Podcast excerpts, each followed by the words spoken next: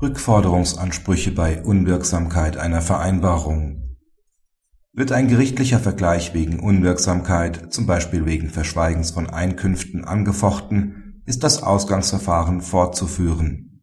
Im Rahmen dessen sind Schadensersatzansprüche bzw. Ansprüche wegen ungerechtfertigter Bereicherung an erhaltenen Unterhaltszahlungen geltend zu machen. Der Unterhaltsverpflichtete ist nicht berechtigt, diese Ansprüche erst nach Abschluss des Ausgangsverfahrens in einem isolierten Prozess zu verfolgen.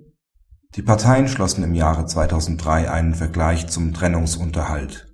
Die Ehefrau hatte dabei Einkommen in Höhe von monatlich 400 Euro verschwiegen. Die Anfechtungserklärung des Ehemanns vom 1.9.2004 führte zum Erfolg.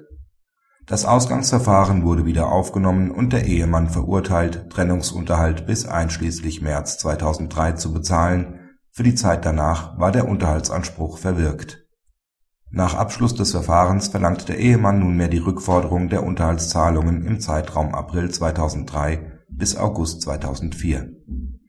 Die Berufung der Ehefrau gegen das erstinstanzliche Urteil hat Erfolg.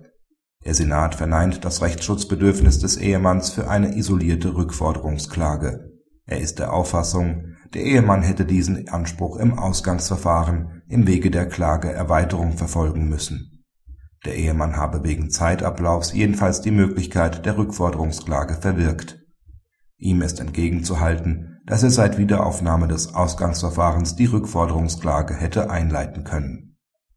Ausblick Der Senat hat die Revision zugelassen, um die Frage zu klären, ob die Beendigung des Ausgangsverfahrens nicht doch zum Wiederaufleben der Möglichkeit einer isolierten Rückforderungsklage führt